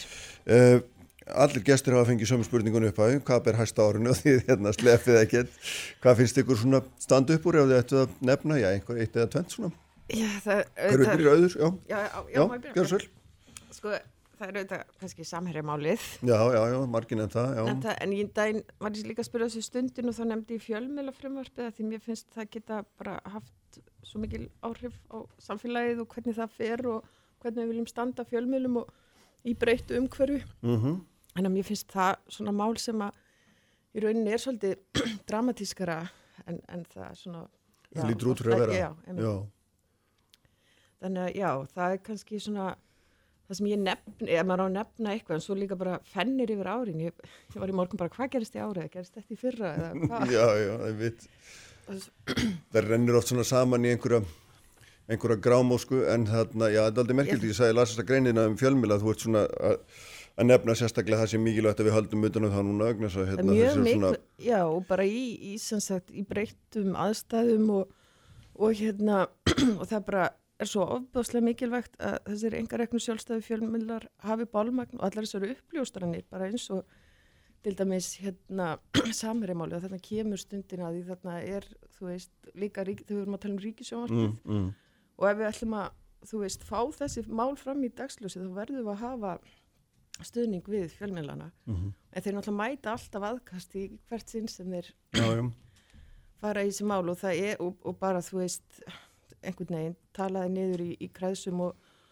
og ég held að sé bara einmitt út á öllum falsréttum og teknibreitingum og breytum auðlýsingasölu aðstæðum þá, þá er þetta bara ofbúslegt ábyrð að halda utanum þess að miðla og og að þeir fá að vaksa og dafna og þannig þetta er mikið hittamál og, hér, og eitt líka bara eins og með þetta samherjamáli ég, ég svona, man, mér fannst sko bæði Panamaskjölun og hrunið eða blikna því það var eitthvað svo kaldri við, þetta mál þannig að ég hérna Mhm. já og, og það í rauninni svona er svo mikil byrtingamind á einhverju Já, einmitt. Ég seti hérna, og ég ger alltaf þegar að tala um þetta mál, þá seti ég bara eitt stórt ef fyrir framann, af því að þetta er ekki, það er ekki búið að leiða til líkt á, mér finnst alltaf gott að halda eitt til haga. Rósa, hvað finnst þér að hafa verið svona, Ég nú aðeins að, að hérna, þegar þú bauðst mér í þáttina þá fór nú aðeins að, að hérna, líta yfir árið og mér finnst eða ef ég á að, að svona aðeins að sumera þau upp og þá finnst mér 2019 hafa verið ár Greti Thunberg. Mhm. Það er bara eitt ár og þrýr mánuður síðan hún var alein fyrir fram á þingúsið í, í Stokkólmi já, með sitt fræga skildi og það sem hefur gerst síðan þá er náttúrulega algjörlega magnað. Uh, hún hefur hrifið með sér miljónir eh, manna um allan heim, ungt fólk sem hefur stigið fram og, og tekur eh, eh, þátt í andóni gegn loslasbreytingunum af, af hérna, miklu hu- hugrekki og mikil ákefð og þetta finnst mér vera svona eitt af jákvæðasta sem hefur gerst og eiginlega bara jákvæðast sem hefur gerst síðast, síðastleina ára að sjá ungu kynnslóna stíga svona með sterkum ádráttarlösum hætti fram og vera þetta mótvægi sem að hérna, við sem eldri erum þurfum á að halda og þetta aðhald sem við þurfum á að halda og mér finnst eiginlega þessi stúlka orðin sjálf sko náttúrafl hún er Mhm. orðið svo mikið afl og í sínum einfaldleika og í sinni hérna skýru sín og hún gefur engan afslátt á neinu og horfir sínum já, svona, illu, gefur Trump illt auga, sko, hún er 16 Já. ára þannig að og mörgum öðrum reyndar, já, mörgum við. Þannig að mér finnst þetta ár hafa verið ár hennar Mhm. en á sama tíma þá hefur við líka verið að sjá uh, polariseringununa að vaksa og aukast. Við höfum séð hatursklæpi gagvart trúarhópum, þeim hefur fjölgað því miður á þessu ári. E, þannig svona almennt séð þá erum við kannski að sjá ákveðina, ákveðina hluti í farvatninu sem að er ekkit sérstaklega jákvæðir. E, þannig að ég svona, vonast þess að árið 2020 þá munum við ekki sjá þessa áframhaldandi svona bylgu hérna, halda áfram þar að segja þessa, þessa hérna, öfga bylgu sem við erum að sjá og þá bara veltum við fyrir okkur hvernig við getum hérna, spórna við henni og það Mm. verður okkar áskorun okkar verkefni hérna, næstu ára held ég. já, já, og við erum að sjá líka niðurstöðunni í Brexit og við erum að sjá Trump og hvernig hann hafa sér og, og þú veist allt þetta, daður hans við innræðisherra og, og hvaða í raun og veru stór hættilegu maður situr hann í kvítahúsunni, ég meni það er bara ekkit öðruvísi þannig að, þannig að þetta ár hefur verið svona, svona svolítið öfgakent ára einhverju leiti finnst mér. Mhm. menn að Já, uh, að vissu leiti þá hefur mér fundist þér ákveðin, ríkja ákveðin flattneskja í íslenskri pólitík. Við, ég heyrði hér áðan að það var að nefna málþóðum þriði orkupakkan. Jú, það var vissulega uh, í pólitíkinni þá kannski var það eitthvað sem að stóð upp úr en hvort að það séu ykkur svona starri teiknum einhvers konar polariseringu veit ég ekki heldur frekar svona hversu mikil áhrif þessi flokkur sem held uppi í því málþófi mm. Hversu mikil áhrif hann hefur inn á þingi í raun og veru.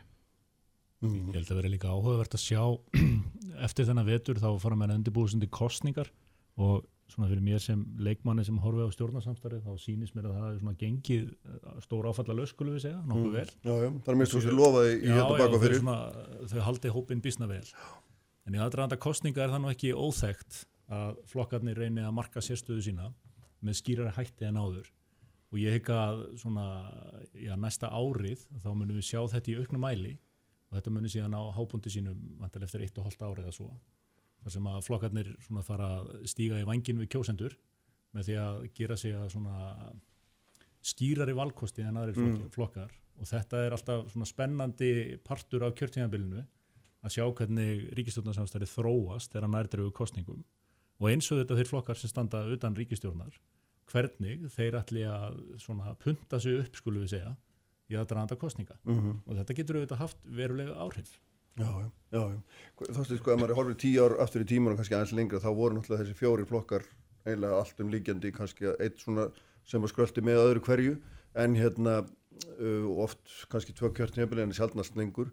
Núna erum við að horfa á hvað átta flokka á þingi eða níu, nei átta er það ekki og við sjáum að þeir eru, þeir eru nokkrir orðin eiginlega, ég minna stæsti flokkur er með 20% og svo margir á Mhm. milli allir nema einn á milli 10 og 20 en þetta er orðið svona allt önnur mynd Hva, hvað heldur að sé að teiknast upp í þessu? Já, ég, ég hef nú lengi verið þeirra, verið, verið þeirra skoðunar að, að flokkakerfið væri að breytast Mm. og uh, í sjálfum sér það ekkit óeðlilegt. Ég meina það myndaðist við ákveðnar Mm. aðstæður í, í íslensku samfélagi. Það eru bara löngu hortnar, Mm. þannig að það er mjög eðlilegt að þetta, svona breytingar eigi sér stað. Það munu taka einhver tíma, ég held að þetta sé ekkert ekkert svona loka skref sem við erum akkurat á núna það, en við erum í, í svona miðri þróun Mm. hún er ekkert ósvipu því sem er að, að gerast á, á Norðurlöndum Mhm. og uh, þannig að, að ég held að við verðum að horfa á það í þessu ljósi Eh, ég held að því að það var nú verið að tala um, um svona næsta ár í pólitísku samhengi. Ég, ég held að það muni svona skýrast undir lók næsta árs uh, hvaða ríkistjórnar kostir verða í, í bóði í kostningunum 2021 og uh, ég er ekkit endilega sannfærður um að, að, að uh, það muni sko losna um ríkistjórnar samstarfið að, ég held eiginlega ég, ég mér finnst eiginlega líklar að það, það, það muni, muni þjættast og það, þetta sé ekki svona hefðbundið samstarf eins og var oft sko þegar að, að flokkar ætluðu sér að skipta um samstarfsflokka Mm. ég held að, að þær aðstæðu sé ekki núna og, og það sé meiri vilji þessar að þryggja flokka að halda áfram og, og spurningin er bara hvaða flokk þeir munu taka með sér í, í stjórnina og, og ég held að, að það sé líklegast að það, það verði miðflokkurinn og, og, og ég held að svona sú mynd muni, muni skýrast þegar að, að líður á árið. Mm. Já, gætur þú hugsað þér eftir því að það var ríkstjórnarsöfin? Þetta er best að segja bara sem minnst í því. En ég held að þetta sé akkurat eins og Þorsteinn er að benda og þetta er náttúrulega er Þetta er náttúrulega ekkert, það er, búið, það er margt búið að breytast hérna síðustu já, já, 10-20 árum og það er bara fullkomlega eðlilegt að það séu fleiri, að mínu viti, Mm. mér finnst það heilbreyðismerki þegar er koma nýjir flokkar fram og það er að það er hérna, fólk er ekki eins bundið í klafa sinns flokks eins og kannski var hér fyrir nokkrum árum og áratugum síðan Mhm. og þú bara kaust það sem fjölskyldin hafi kosið og svo framvegis. Þannig mér finnst það heilbreyðismerki þegar á meðan sumum finnst það óþægilegt og sumum finnst það óæðilegt þegar er að spretta hér fram einhver ný stjórnmálu öfl og einhver reyfing er á stjórnmálunum. Mér finnst það vera fullkomlega eðilegt, það eru tíu ár frá hrunu, það er pólitíska sviði kannski ennþá að, að svona aðeins að s- sjattlast eftir það og svo líka eins og þósteinar að benda og þetta er líka þróun sem við erum að sjá líka annar staðar í Európa og víðar. Ég meina, sjáu því Frakland, ég meina, hæriflokkurinn er gjörsanlega hrunin þar mm. Eh, Sósaldemokrátar í Fraklandi, þeir eru farnir á horfnir, já. horfnir á sviðinu Já. þangað hefur komið inn þessi nýja hreyfing Macron sem að er umdeild og gott og vel en það er samt alveg ótrúlega gerjun og breytinga hafa, hafa átt sér stað í frönsku stjórnmálum síðan er það grænabildingin sem hefur átt sér staðin í Evrópu sem að við sáum líka taka til sinni auki fylgi í Evrópukostningunum í vor það er mjög merkileg merkileg hérna svona af því að ég var að tala um Greiti Túnberg hérna á það er mjög merkileg mótstaða við þessa polariseringu sem við erum líka að sjá Mm. sem að það sem átti sér staði um svona mið Evrópu og súreyfing þannig að þetta er allt saman mjög Mér áhugavert finnst samt oft líka samt eitthvað svona fyrðulega lítið hreyfiafl hérna. Uh, Hérna á Íslandi? Já, merk- merkilega lítið. Merkilega lítið, þrátt fyrir, að, já við tölum um það er svo, eru svo mikla breytingar og væringar Mm. og margt að gerast en maður verður ekki alveg beinlinis var við að finnst mér í stjórnmálunum hér. Núna voru þið til dæmis að leggja fram frumvarp með pýrötum og samvilkingunum um breytingar á, á eignarhaldu og gagsægi með kvóta. Þetta er- Já, viðreisn, já, já, já, já. Ég, ég held að það sé eitt af þeim málum sem er óskaplega mikilvægt að, að taka á uh, til þess að byggja upp tröst. Ég, ég held að þörfun hafi verið en þetta samherjamál kom upp ég, að, það, það, en, en það mál, það, það kallaði svo bara ákveð á að það erði gripið til Mm. aðgerða til þess að, að auka gagsægi, til þess að, að tryggja raunverulega hámark aflahlutdeild og, og dreifða eignaraðild í stærstu fyrirtækjum það, eh, það er þessi þorvar fyrir hendi en, en bara þessar aðstæður þar gera það að verkum að mínum að það er alveg óhjákvæmilegt að taka á þessu. Ég held eins og verið þessi þróun sem við höfum séð á þessu pólitíska sviði, við höfum aðeins rætt núna um ríkistofnarsamstarfi og hvernig Mhm. það hefur þróast. Ég held á sama tíma að þá sé stjórnaranstaða, það dilstengum og hún er sundu tætt. Sko. Það er til dæla veik stjórnaranstaða í landinu. Og mín skoðin er súvarandi fjölda flokka og annað, það er eðlilegt að það þróist, en er það æskilegt að þetta sé með þeim hætti sem það er núna?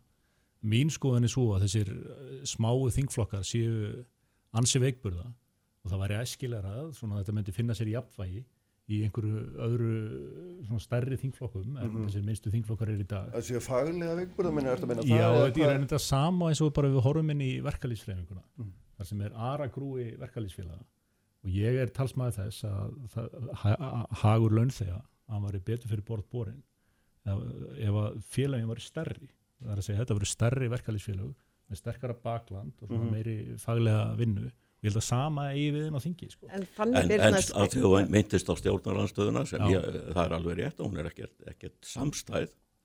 Og, og, Og en, en, en ein ástæð og helsta ástæðan fyrir því er, er svo að, að einn af flokkonum er að, að stefna inn í stjórnarsamstarfið. Og, og þá, þá eðlilega verður stjórnaranstæð ekki, ekki, En það er líka samstæð ákveðin svona normalisering í, í gangi með þann flokk einhvern veginn, ég held mér sjóða að segja. Ég er búin að vera að lesa út um allt fyrir alls konar flokka, svo vinur minna hegslast að mér um daginn að ég væri eins og gleði kona. Og hérna, þú sagði bara, þú veist, lestu fyrir þessu og þessu, og ég bara, já, já, og svo sagði hann hérna, myndur að lesa fyrir miðflokkin, og þá bara svona, vissi ég ekki alveg hvernig ég átt að svara þessu. Þá fann ég, ég var með einhverja svona grensu þar. Ertu með grensi þar? Já, Já, já, ég- skal segja ykkur það, eitthvað- akkur ættir ekki að gera það. Já, já, ég vil nú líka, ef ég má aðeins Já, líka halda já, það til haga, að hérna, uh, það eru líka ákveðin öflinnan eins ríkistjónaflokksins sem er á mjög svipin slóðum og miðflokkunum, sko. Þannig að aðeins hérna bara Já, halda er- hérna veit Þetta er ekki orðið kannski mjög svona þokkukent lína en það er það líka þannig núna eh, að sko allir þessi flokkar sem er í ríkstjórn eru feikilega ánægð gegn og þarna er einhvern meginn sko 1 plus 1 og ekki lengur 3 heldur orðið eitthvað miklu meira. En sjáu eitthvað þóstætti snjall sko. Guð- Guðfaðir viðreistnar situr hér og er svona heldur þessari miðflokks grílu yfir ríkistjórnarsamstarfinu í þeirri von, veiku von að einhvern veginn fæla kjósendur frá þessum þessu þryggjaflokka ríkisamstarfi ríki, ríkistjórnarsamstarfi ég get ekki annað en bara tekið ímyndaðan hatt minn ofan að fyrir viðmáttum hérna á hæri hönd Uh, ég eins vegar kostningarnar næstu skipta verilegu máli og ég held við ættum að fara aftur inn í svona upphaf þáttarins Mm. sem snýst svo litið um þetta hvert viljum við sem samfélag stefna? Mm. viljum við vera opið hagkerfi sem tekur fagnandamóti fólki st- er í opnum viðskiptum, frjálsum viðskiptum að vera þjóðir? Eða viljum við fara í átt til aukinar einangrunarhyggju eða ekki? Þetta er mitt svar er alveg afdráttarlaust að við eigum að vera opið þjóðfélag sem stundar frjáls viðskipti og grundvöllur þess Það hefur nú kannski er að við höfum smá sjálfströst við þurfum að hafa smá sjálfströst Mm. sjálfströst til þess að standa á eigin fótum. Svo er Daður. svo- Ég svo held er og þetta snúist líka um Ja, það að, að, að, að næstu kostningar svona hveði áum það hvort að menn vilja breytingar á ákveðinu sviðum eða, eða kyrstuðu og, og það held ég að, að, að verði, verði stóra svona álítæfnið og viðfangsefnið í, í kostningum. Ég held að hægfara breytingar séu mjög góðar, saman hvort við horfum inn í kvótakerfið, flokkakerfið, er bara samfélagið hildsinni.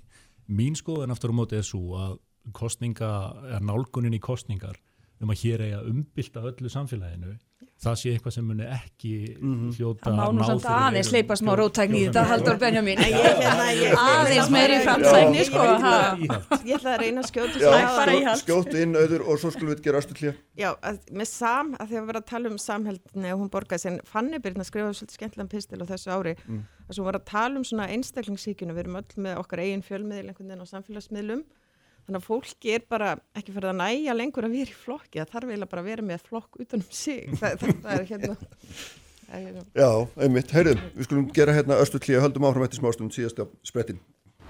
Uppspretta frétta á Sprengisandi á bylgjunni.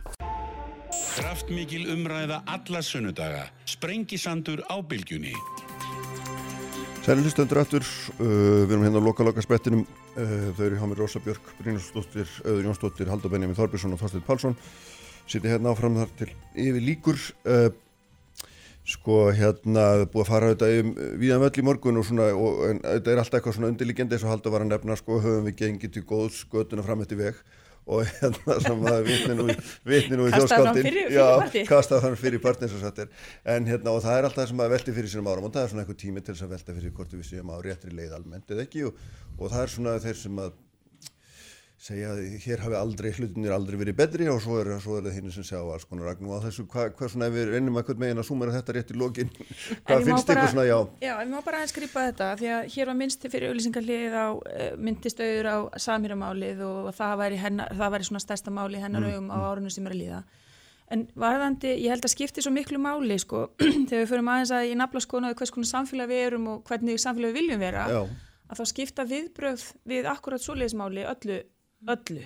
Hvernig við bregðumst við svoleiðismáli sem er eh, svona djú, djúbstætt mál. Þetta er Mhm. ekki einhver, hérna, einhver flugöldur sem springur og, og hérna búið heldur er þetta mál sem mun er alls ekki búið og mun halda áfram mun hafa einhver afleðingar, við vitum það öll. En mér finnst eiginlega að skipta öllu máli hvernig við sem samfélag bregðust við. Og ég vil að hef talað fyrir einhvers konar heildar, heildar hérna, útökt og, og rannsókn á því hvernig svona mál getur raun og veru hérna, gerst sko Mhm. þessi samsöfnun auðs og kvóta á fáramanna hendur Aha. og hvað það getur leitt af sér raun og veru og ég held að við þurfum að fara ef við ætlum að að leiða þetta einhvern veginn til lykta eða taka einhvern lærdum af þessu eins og öll öðru þá þurfum við að, að skipti máli hvernig viðbröðin verða og við svona í, í tengsli með þetta mál og þá eru, eru það spillingamálin og það eru hérna kunninginsamfélagið og það eru tengslinn og það Mhm. eru varnir við peningafæð og allt þetta sem er svona ángi að í raun og veru af þessu þessu litla samfélag og, og hérna göllunum sem við Já, séð við já, það já. Haldur, hvað, hvað segir þú um þetta? Mm. Það er, hérna, sko, það er algjörlega skipta skoðunum um það hvort þetta mál, samfélagmáli, snerti okkur Mhm. Innanlands eitthvað eða ekkert. auðvitað snertir það okkur og á að vekja bara auki Ég veit að snertir okkur en það þurfa að einhvern meina Já, svona já. að fara í einhverju uppstokkun sko- á kerfum á Íslandi. Já, horfum aðeins bara, það er ofta ágætt að horfa framvegin og ekki, það er ofta ekki verra að líta aðeins í baksinni speilin. Sko. Mhm. Nú höfum við rétt um tíu ára reynsla af því þar sem að upp hafa komið brot, þar sem að þau hafa verið tekin fyrir, rannsökuð, dæmt í og menn hann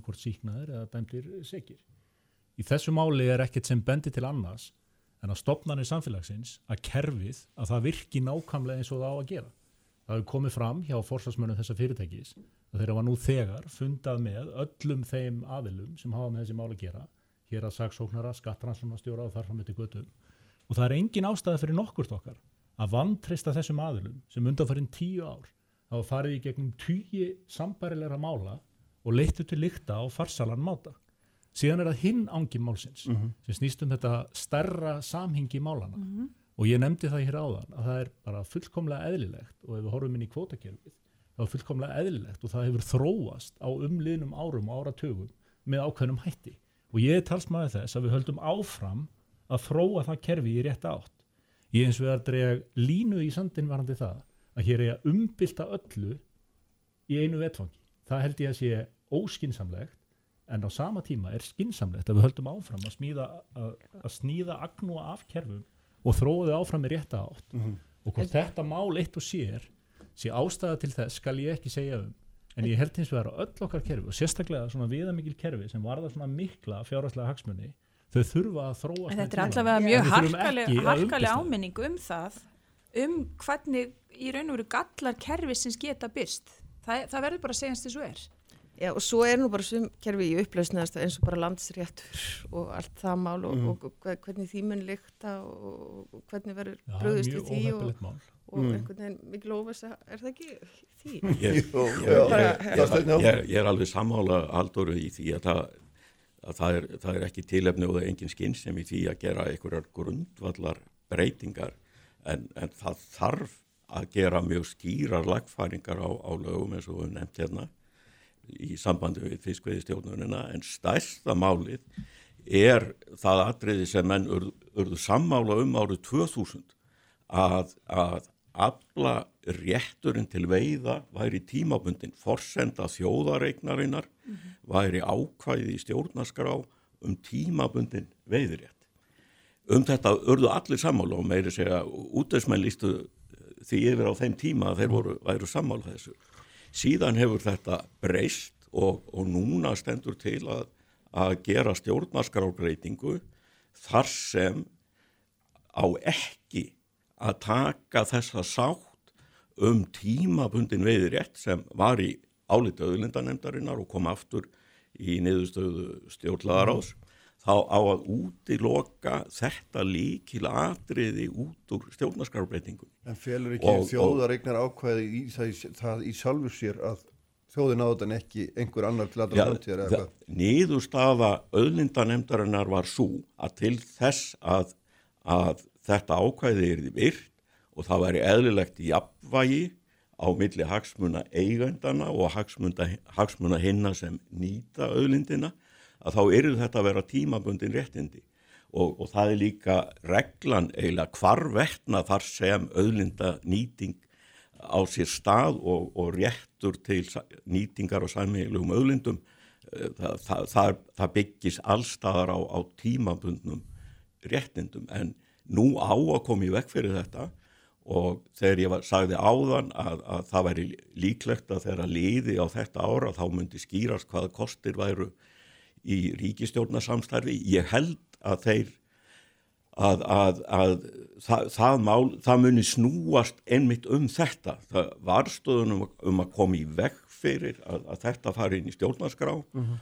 og, og það verður, verður það, það er stór meiri fyrir því í, á alþingi núna eftir næstu kostningar þá er þörf til þess að sé að verði hægt að staðfesta þá stjórnarskrárbreytingu að kostningum loknum þá þar þurfa ríkistjórnarflokkarnir að taka miðflokkin inn.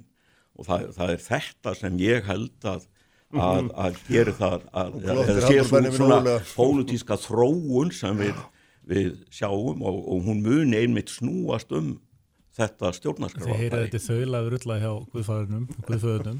Ég held því sko, orðið að hugtaki tortrygni hefur borðið að góma hérna nokkuð oft sko. Ekki bara á meðal okkar, heldur líka á meðal þeirra sem voru hérna undan okkur. Og einhvern veginn ansvar okkar við tortrygni lítur að vera aukinn upplýsingagjöf og gagsæði. Og ég að ekki bara ef við horfum til samverjamálsins, við getum líka hort til falls VAU-R fyrra árinu. Mm -hmm. Þar sem að rísastór, alþjóðleg fyrirtæki sem eru óskráð sem að byrta er engar upplýsingar mm -hmm. um fjárhag að þetta sé eitt af þeim skrefum sem að Íslands viðskiptalíf og við eigum að stíga og ég mm. samtök aðlýsi sem var einfallega stutt þetta með ráðum og dáð að fyrirtæki sem eru svona þjóðhagslega mikilvæg kervislega mikilvæg að þau byrti með reglumöndum hætti upplýsingar um fjárhagsinn og stöðu sína mm -hmm. þar sem að það varðar miklu fleiri Já, en bara okay. eigendur þessa fyrirtækja hver staða þeirra er hverju sinni -hmm. og auðvitað er ekkert eðlilegt við það að risastórt fyrirtæki sem veitir hundruðum eða þúsundum manna atvinnu og er grundvöllur á útflutningsstarfsemi þjóðarinnar, til dæmis VAR eins og mm, það var mm -hmm. að það liggi bara ekkit fyrir hver fjárasli stað nei, nei, og, og þess sko vegna held ég, bara til að klára ja. að við höfum að horfa inn í alla gera þess að stæstu gera samfélagsins og gera þá kröfu, hvort sem fyrirtæki eru skráðið eða óskráð, mm. að þau byrti ofinberlega með reglubundum hætti fjárhagstöðu sína til þess að aðrir sem mögulega munum vera fyrir áhrifum mm -hmm. ef þetta skakkafalla kemur í rekstri þessi fyrirtækja uh -huh. geti með einhverjum raunhafum, raunhafum hætti Þetta er allt, svo, þetta er allt svo sjálfsæði hlutir og maður skilur, fattar ekki akkur þetta er ekki löngu komið, hvað segir öðrum? Ég er bara að segja að þetta hefur svo mikil, hérna, mikla hliðaverkanir að meira þess að við rítvöndar finnum fyrir sig því kiljusala hrapaði í lefstöð við, við þetta. Já, já. Þetta- virkilega? Var- Já, já. kiljusala bara. Já, akkurat. Þannig að hérna, já, heyrðum, það er komið að ma- lokum. Hmm. Ég má segja, Já, ég að myndi sjálfsögðu. kannski lesa fyrir að allir er að lesa bækur og allt, en ég myndi kannski ekki vera veislustjóri hjá þeim, eða eitthvað svo. Myndur þú draga merki við það? Heyrðu, eitthvað að lokum sem að hérna, Ég hvað, verður, hvað held heldur þú að verða að- merkilegast, Rósa, næsta Ég held ári? bara Hmm. næsta ár við, við erum bara að taka svolítið ákvörðum það að næsta ár verður bara mjög gott ár. Hérna, við þurfum líka bara að vera svolítið á varbergi gagvart hérna þessum svona kannski öfgaöflun sem ég var að nefna hér upphafi. Já, og, og hérna passa upp á mótvæðið við það og hérna halda staðröndun til haga og, og hampa vísindunum og, og Mm. hérna og allir því. Og efla lýræðislega umræðu eins og auður var að koma henni inn á varandi Já. fjölmiðlana og, og svo framvegis. Já, sínst þú nú vera bara hálgir dogma hjá, hjá sjálfstæðsloknum að, að, hérna, að hérna sparka fast og yðurlega í ríkis fjölmiðlin sem að mm. held að við svona þetta sé fyrir því að hafa hér sterkan öflugan. Hvað finnst þér þá um það að hérna, ríkistyrkja innan svo kvöldu frjálsi fjölmila og hérna, enga fjölmila? Já, ég, ég, ég held að það sé alveg óhjákvæmilegt að, að styrkja uh, rekstara grundvöld fjölmiðl í landinu. Þa, það er, er mjög hættulegt að láta mál þróast áfram eins og verið hefur. Ég, ég játa það persónulega hef ég heldur kosið að sjá aðra leiðir en, en beina, beina styrki. Ég gerir mig grein fyrir því að það, er- það er erfitt að ná pólitískari samstöðum slíkt. Það er til að mynda ekki hægt að taka rúf af auglýsingamarkaði án þess að bæta Mhm, það já. af því ég tel að, að ríkisútvarpið sé mjög mikilvæg menningarstofnun og mikilvæg stofnun til þess að sjá um svona, eða vera þáttakandi í þjóðfélagsumræðu og en, en ég, samt hefði ég talið það heppilegri leið að gera það þannig. En, en um það þarf auðvitað mjög vítaka pólitíska samstöðu. Ef hún er ekki fyrir hendi þá þarf sjálfsagt að fara einhverja svona leið. En svo er líka, sko, auðlýsingamarkarinn er í rauninu svolítið svona öryggi fyrir rúð, það er þeirra eigin leið til að afla Já, tekna. já, það verður ekki undir hælnum á stjórnmálamönnum, Já. það er hinn hliðin, já, já. Og svo líka bara spurningum hvort en þeir, sumar, já, þeir verða þá háðar í markanum á móti Já, já, já, en hvort allar þessar auðlýsingar yrðu gerðar fyrir, ég meina það eru alls konar breytur í þessu Það er hlýtur nú að vilja að að velta. fyrirtækin í landinu hjá auðlýsi á, á öflugum miðli, er Já, það ekki? já, einmitt. Heyrðu, ég held hérna, við látum þetta gott heiti í bylinn. Takk fyrir, Takk fyrir að koma, ár. Auður, já, sem leiðis, Haldur og Þorsteinn. Og þetta er þetta sem ég er búin að nefna hér 15 sinum í morgun síðasti þátturinn á þessu ári og, og hérna ekki annað eftir en að þakka og hérna þakka hlustundum fyrir að hlusta á með þessu ári sem er að líða og hérna ég verð með ykkur aftur hérna eftir vikum. Verið sæl.